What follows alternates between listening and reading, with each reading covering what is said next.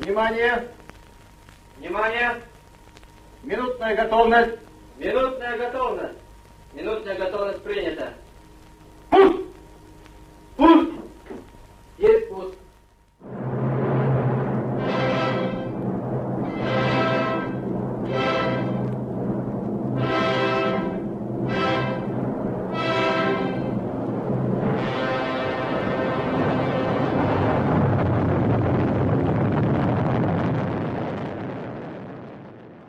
Árið 1967 var slæmt geimferðaár. Í lok apríl, þremur mánuðum eftir eldsvoðan í Apollo 1 sem kostaði geimfarna Gus Grissom, Ed White og Roger Chaffee lífið, hófst fyrsta og eina mannaði geimferð þess árs. Hún var jafnframt fyrsta mannaði geimferð sovjetmanna eftir umlega tveggja ára hlýja. Vladimir Komorov settist þá inn í nýtt geimfar sem leggja átti grunninn að ferðum sovjetmanna frá jörðinni til tungsins. Í júni 1963, tveimur árum eftir fræðar fyrir Júri Gagarin sem jörðina, lauk Vostok geim á öllum sovjetmanna með geimferð Valentínu Tereskovu, fyrstu konunar sem fór út í geimin. Sú geimferð var enn eitt geimvísendasögu sovjetmanna, en í kjölfar hennar vildi Sergei Korolev, yfir hönnuðu sovjísku geimaállunarinnar, hefja þróun á nýju geimfari sem geti tengst öðru geimfari á brautum jörðina og halda jafnframt áfram þróun á nýri og öfluri risaeldflög. En áður en svo þróun gatt hafist fyrir alvöru þurfti Korolev að afla stuðnings hæstráðandi í Moskvu.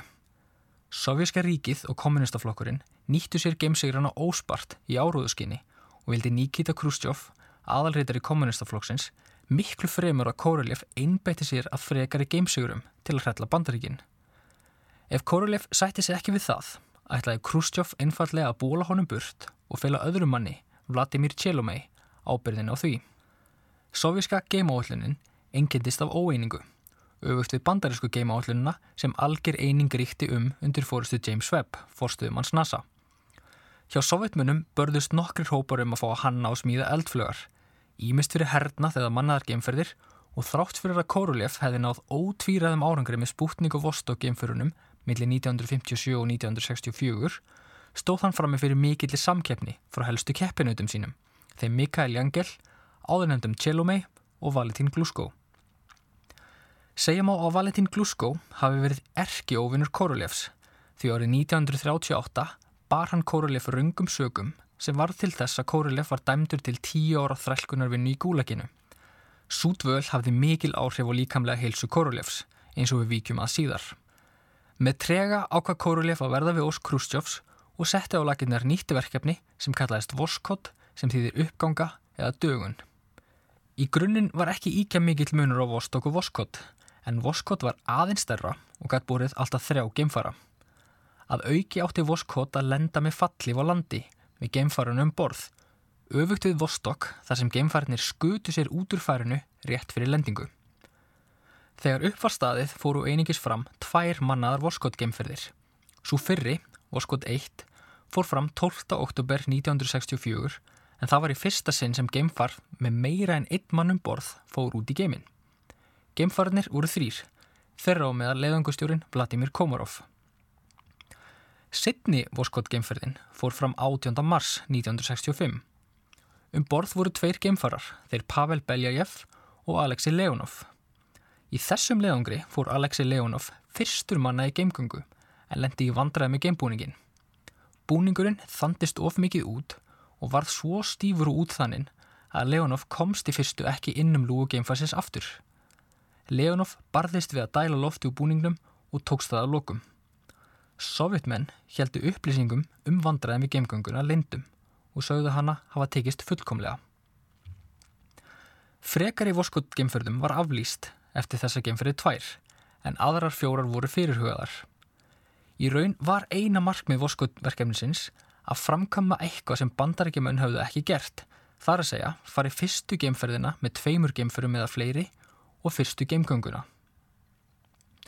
Aðeins degi eftir fyrstu Voskotferðina var Nikita Khrushchev leistur frá völdum og segjum á að þá hefði Voskot geimaálluninni verið sjálf hægt en það stuttu hana fáir aðrar en Khrushchev. Leonid Brezhnev tók við að Khrushchev en hann hafði minni áhuga á slíkum geimferðum. Í ágúst 1964 meira en þremur árum eftir að bandaríkin listu yfir áallinum sínum um tunglferðir, settu sovjetmenn sér það markmið að koma manni til tunglsins árið 1967. Þá voru nefnilega liðin 10 ár frá því að Sputnik sildi fyrstum heiminnkólfið og 50 ár frá oktoberbyltingunni sem færði völdin í hendur Bolsjevika og leti til stofnun á Sovjetríkina. Það gerði Sergei Korolev kleift að einbytta sér að því að þróa nýtt geimfar og nýja öfluga risaðalflög sem áttu að vera líkillinn að segri sovjetmanna í kaplöpunu til tungsins. Snemma í desember árið 1960 fekk Sergei Korolev hjarta áfall. Við lækniskoðun kom í ljós að hann þjáðist líka af nýrnabilun sem reykja mátti til harðræðisins í gúlaginu. Læknar vöruðu Korolev við að ef hann heldi uppteknum hætti og inni jafn mikið og hann gerði, myndi hann deyja fyrir aldur fram.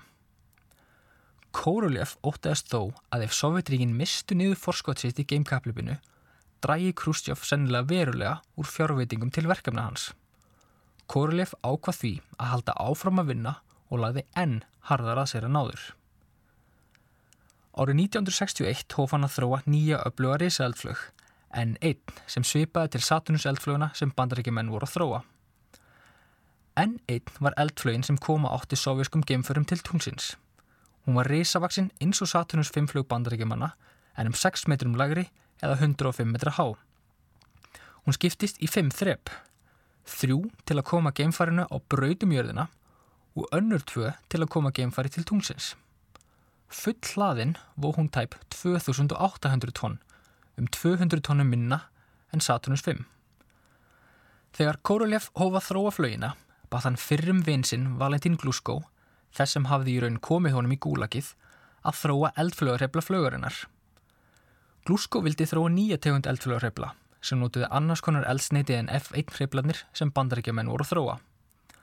Glúsko vissi að bandarækjamenn voru komnir mun lengra í þróuninu á F1 eldflögarheflunum og taldi óraunhæft að hann geti smíða svipaðan hreyfil og örskumum tíma með litlu sem yngu fjármagni, frumstæðri tækni og verra eldsneiti. Korolev leist ítla á að nota eldsneitisblöndu sem var baneitruð og því stór hættuleg. Fyrir vikið neytaði Glúsko að vinna með Korolev og aftur slettist upp á vinskap þeirra. Korolev leitaði þá til annarsverkfræðings, Nikolai Kuznetsov að nafni, sem samþykti að vinna með Korolev þótt hann hefði mjög takmarka reynslu af hönnun eldflögrefla. Kuznetsov hannaði nýjan reyfil sem nefndist NK-15. Eftir að Krústjóf fór frá sótist Korolev eftir stuðningi frá Brestnef til að halda áfram þróun eldflögurinnar en fekk aðeins helming af því fyrir sem hann óskaði eftir. Þráttur í fjórskort tók N1 flögin smám saman á sig mynd. Í fyrsta þreipinu áttu að vera kvorki fleirinni færri en 30 NK15 hreiplar, raða saman í tvo ringi og samanstóð ytri ringurinn af 24 hreiplum en innri ringurinn af 6. Samanlagt áttu þessir 30 hreiflar að veita meiri kraft en F1 hreiflanir í Saturnus 5. Í öðru þreipinu voru aðrir 8 NK15 hreiflar raðið í ring og í þriðja þreipinu voru fjórir aflminni NK21 hreiflar. Samanlagt voru þessir hreiflar færir um að lifta 90 tónnum á brautum jörðina en til samanburðar gætt Saturnus 5 komið 120 tónnum út í geiminn. Árið 1965, á meðan þróun og N1 eldflöginni stóð sem hæst, kynnti Sergei Korolev til sögunar nýtt geimfar sem síður hlautnafnið Soyuz sem þýði bandalag. Soyuz var geimfarið sem ferja átti sovjerska geimfarið til tungsins. Það var einstaklega metnaðfullt og kannski ofmetnaðfullt að mati sumra sem störfu við sovjersku geimáallununa. Hönnuninn á Soyuz byggði á Vostok geimfarinu sem flutti Júri Gagarin fyrstan út í geiminn en átti líka að búa yfir öllu því sem þurfti til að komast til tungsins. Tungl áallin sovjetmanna var mjög svipuð Apollo game áallin bandaríkjamanna. Tengi átti saman geimför og brautumjörðu, það er sóju stjórnfar og tveggja þrepa tunglferju og senda þau síðan til tungsins. Þegar til tungsins væri komið átti tunglferin að losna frá stjórnfarinu og lenda með einn eða tvo menn innanborðs. Eftir tunglgöngu átti efra þrepp tunglferinar að koma geimförunum á brautum tunglið og tengjast stjórnfarin á ný. Síðan átti geimfarinnir að fara út úr tunglferðinni og yfir í stjórnfarið með geimgöngu. Tunglferja sovjetmanna átti að vera helmingi minni en bandariska tunglferjan. Sojus geimfarið sjálft skiptist í þrend. Fremst var nokkur neginn kúlulega stjórnfar fyrir alltaf þrjá geimfara, 5 fermetrar rúmtaki, en aftast var sívalingslaga þjónustufar sem innhjælt allan lífsnöðsirlegan búnað og vélar. Á þjónustufarinu voru tvö sólarafluðu þyl sem átti að sjá geimfarinu fyrir raforku. Mitt á millið stjórn og þjónustufarana var síðan lítil lendingareining. Fyrir heimkomu áttu stjórn og þjónustufurin að losna frá lendingareiningunni sem kæmi áhöfninni öruglega til jarðar aftur. Við heimkomu átti loftþrýstinni á lendingareiningunni að opna fallíf geimfarsins í um það byrj 10 km hæði við jörðu. Fyrst áttu tvær litlar fallíf var að opna eina stóra aðalfallíf og um leið átti hitaskjöldurinn að falla af og opna bremsuflögar. Ugna bliki fyrir lendingu, í aðeins tveggja metra hæði við jörðinni, átti að ræsa bremsuflögarnar til að tryggja mjúka lendingu. Sergei Korolev vann baki brotna á þróun sójusgeimfarsins og enn einn eldflögurinnar. Vinnan tók sinn toll af Korolev og þurfti hann ítrekkað að leita sér læknisaðstóðar. Í desember 1965 greindist hann með ristilkrabbamein og gegst hann undir skurðaðgerð vegna þess þann 5. janúar 1966. Líkamenn veiklaður eftir dvöluna í gúleginu og allt of mikið vinnu álag gaf eftir. Svo nýju dögum eftir aðgerðina lest hann 59 ára að aldri. Eftir andlátið var hulunin loks svift af manninum sem stóða baki geimvísindasigrum Sovjetríkina þegar minningagreinar byrtist um hann í Pravda þann 16. januar. Í lifanda lífi fekk Kórlef aldrei þá viðurkenningu sem hann átti skilið en honum til heiðus fór þá fram viðhafnar útför í Moskvu og hann grafin í grafísi Lenins í Kremlarmúrnum og Rauðatorkinu á samt mörgum öðrum framamönnum Sovjetríkjana. Það var þá sem Werner von Braun fekk fyrst að heyra nafnu á keppinauta sínum austan Jártjálsins. Ólíkt von Braun í bandarækinum varð Kórulef stöðugt að glíma við keppinauta sína sem höfðu sínar eigin hugmyndir og áallanir um tunglferðir. Kórulef hafði líka úr mun minna fjármagni að spila en von Braun, auk þess sem rafinda á tölvuteknin sem honum stóð til bóða var mun mannþróaðari. Eftir andlátt Kórulefs var Vasili Missin hægri hönd hans gerður að yfir hönnuði sovjesku geima-állunarinnar. Hans helsta hlutverk var að halda áfram þróun á N1 risaflöginni og senda mann á brautum tunglið árið 1967 og lenda manni þar ári síðar. Til að undirbúa tunglferðinar voru myndaðir tveir æfingahópar geimfárana. Annar hópurinn átti að æfa fyrir fyrirhugaðar tunglendingar en hann var undir fórustu Alexei Leonovs, fyrsta mannsinn sem fór í geimgungu. Hefði allt gengið upp, hefði Leonov því vantanlega orðið fyrsti sovjetmaðurinn til að stíga fæti á tunglið. Hinn hópurinn naut fórustu Vladimir Komarovs og Júri Gagarins og átti hann að æfa fyrir fyrstu ferði Sojus á brautum jörðina. Komarov átti að fara í fyrstu mönuðu geimferð Sojus í april 1967. Hann var óþrýfullur að komast í sína aðra geimferð og naut stuðnings vina síns Gagarins til þess. Eftir fráfall Korolevs gekk þróun Sojus geimferðsins illa. Sífell kom upp vandamál og allar ómönuðu tilurinaferðinar misöfniðust.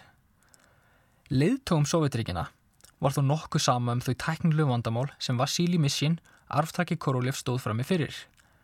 Leonid Brezhnev og Dimitri Ustinov, varnar og geimmálar á þeirra, byðu óþreifullir eftir næsta afriki sovjetmanni geimnum, eftir að hafa horft upp á NASA, ljúka tíu geimferðum Gemini-verkefnisins og taka þannig fram úr sovjetmönnum. Öll aðtegli bandaríkjana beindist nú að Apollo-verkefninu og fyrirhugðum tunglferðum. Mission var undir miklum pólitískum þrýstingi þegar hann samþykti mjög metnaðfulla áallun um jómfrúarferð Sojusgeimfarsins.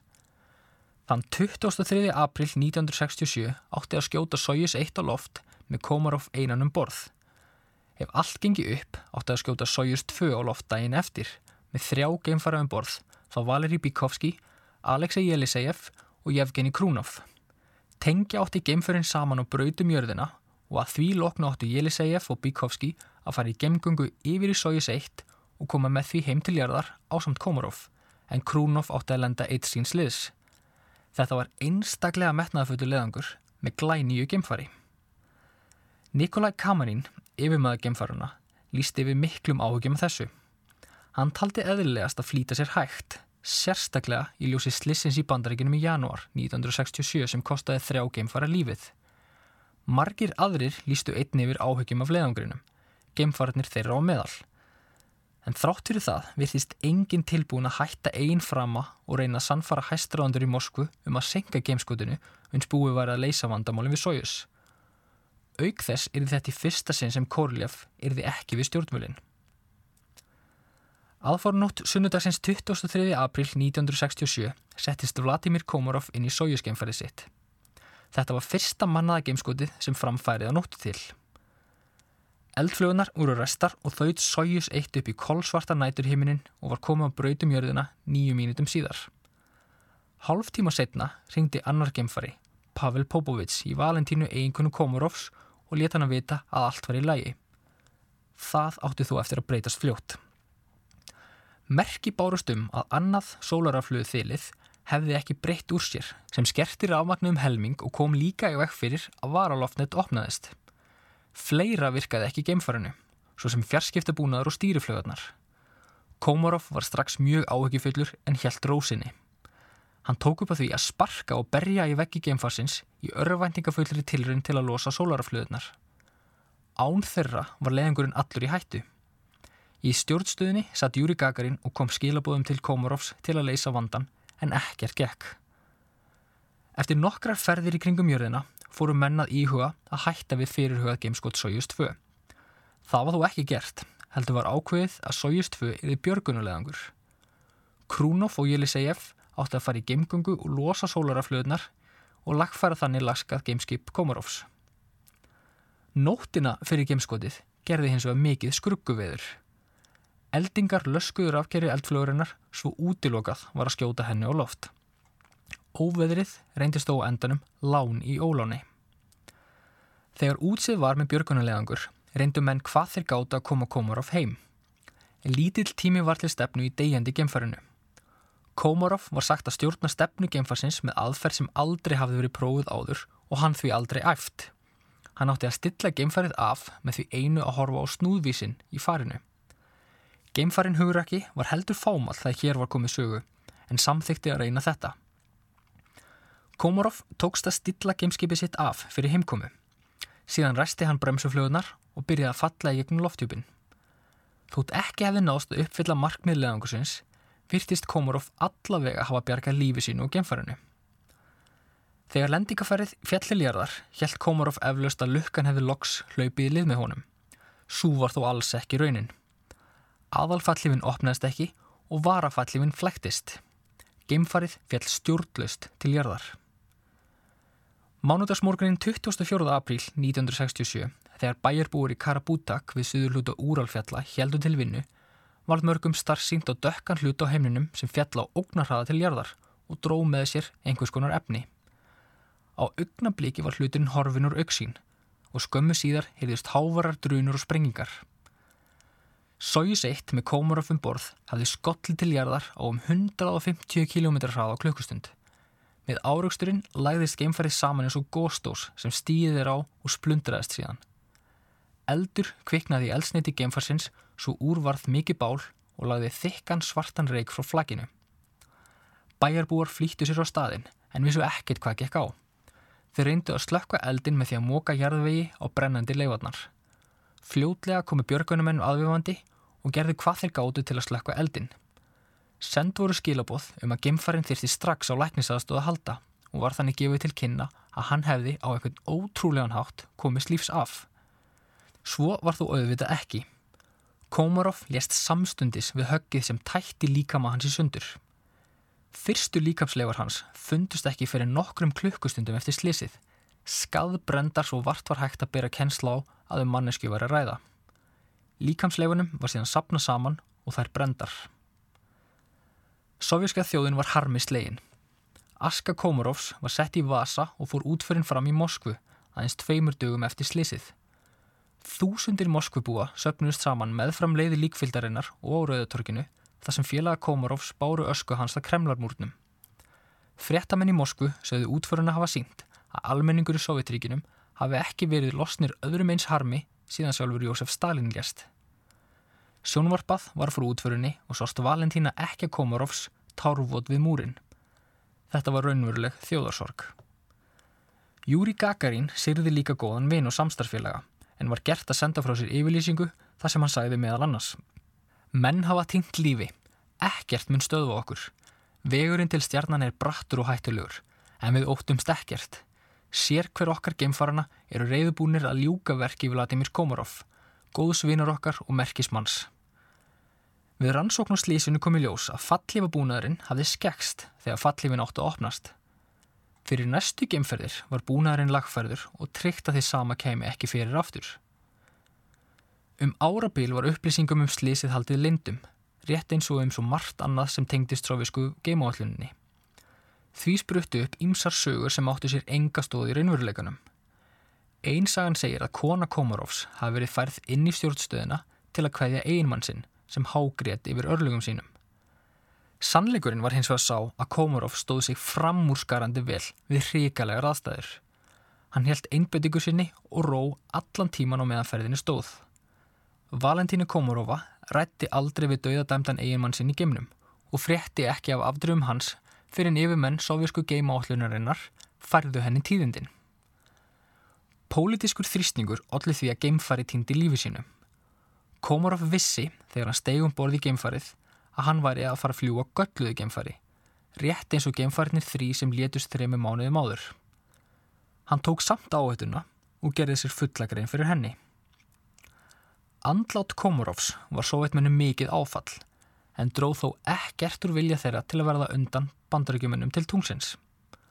Andlát Kóruljefs var þeim þó enn meira áfall því geimáallinin bar aldrei sitt barra eftir það og segjum á að með honum hafi tunglferða áallin sovjetmanna svo gott sem liðið undir lok. Þróun helt enguð síður áfram á N1 eldflöginni og sojusgeimferinu. N1 flögin komst þó aldrei út í geimin og reyndist Saturnus 5 miklu áræðanlegri þegar yfir lauk. Öll 13 gameskot Saturnus 5 hefnus fullkomlega á meðan allar fjórar tilrunninnar með N1 misfúrust. Í byrjun júli 1969, þremur vikum áður en Apollo 11 laðast að til tungsins, sprakk N1 eldflögin skömmu eftir flugtak með þeim afliðingum að skotpallurinn ger eðilaðist. Þetta slis senkaði frekari tilrunum í eitt og hálft ár og meðan pallurinn var endurbyggður. Sprengingin var eins og mesta í mannkinn sögunni ef frá eru taldar kjarnungursprengingar. Þetta var reyndar ekki fyrsta sinn sem skotpallur sovjetmanna eðilaðist í sprengingu. Þann 24. oktober árið 1969 sprakk önnur öflug eldflug þegar verið var að vinna að henni á skotpallinum. Menn stóðu við flögina þegar hún sprakk. Um hundrað manns létust, bæði verkfræðingar og yfirmenn og fundust lík sömra aldrei því þau föðruðu einfallega upp. Mikael Jangel, hönnuður flögurinnar, kom slífsaf því hann hafði brúðið sér frá til að reykja nokkur hundru metra frá flöginni. Upplýsingar um þetta slis voru ekki gerðar ofinberrar fyrir nórið 1989. Sójurskemfarið var hins vegar lagfært en fór aldrei með menn til tunglsins en það vantaði eldflög til að senda það þongað. Árið 1972 var Vasili Mishin rekin og við tók Valentín Glusko. Þá höfðu bandaríkinn þegar unnið kaplöpi til tunglsins og batt Leonid Bresnev endi á tilhörni Sovjetríkina til að komast þangað. Í staðinn hóðu þeirra hanna geimstuð.